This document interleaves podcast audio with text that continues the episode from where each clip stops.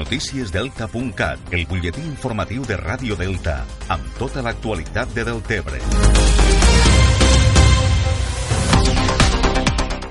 El ple de l'Ajuntament de Deltebre va aprovar dimarts personar-se com a acusació particular en les diligències prèvies obertes al jutjat número 2 de Tortosa que investiga diferents expedients d'obres públiques, serveis i subministraments durant els mandats de 2007 a 2015 a l'Ajuntament de Deltebre. Després del registre efectuat pels Mossos d'Esquadra a l'Ajuntament el passat 12 de març, el consistori ha decidit personar-se en la causa per estar informat sobre l'evolució judicial del cas que es troba sota secret d'actuacions i les citacions judicials que hi puga haver. Kilian Frank és el tinent d'alcalde d'Afers Institucionals. Compareixer i personar-se com a acusació particular en les diligències prèvies número 724 barra 2017 en virtut de diligències d'investigació penal pel Ministeri Fiscal número 54 barra 2017 i sigui el procediment íntegrament de, en tots els seus tràmits, incidents i peces separades. El ple va aprovar també l'actualització del Codi Ètic i de Bona Conducta de l'Ajuntament de Deltebre aprovat el maig de 2017. Esta actualització s'ha realitzat incorporant apunts per evitar riscos delictius i els càrrecs electes i els treballadors públics es podran acollir a este codi si així ho consideren oportú durant els 30 dies següents de la composició del nou plenari municipal.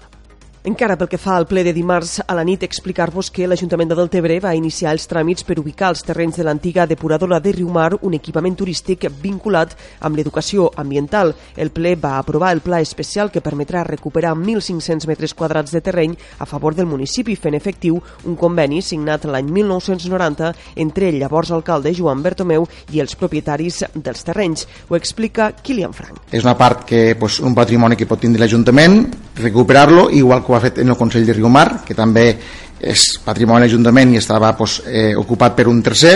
28 anys després el que fem és recuperar aquesta part de terreny, dictaminar-ho en plenari, si escau, i després ja el que és la Comissió d'Urbanisme i Terres de l'Ebre, si ho veu tot correcte, ja li donaria l'aprovació eh, definitiva per poder desenvolupar aquesta aula d'educació ambiental o altres usos que li poguéssim eh, donar en un futur i un equipament que pot tindre l'Ajuntament en un punt estratègic com és l'entrada de, de Riumar. Els terrenys que es recuperaran estan situats just a l'entrada de Riumar.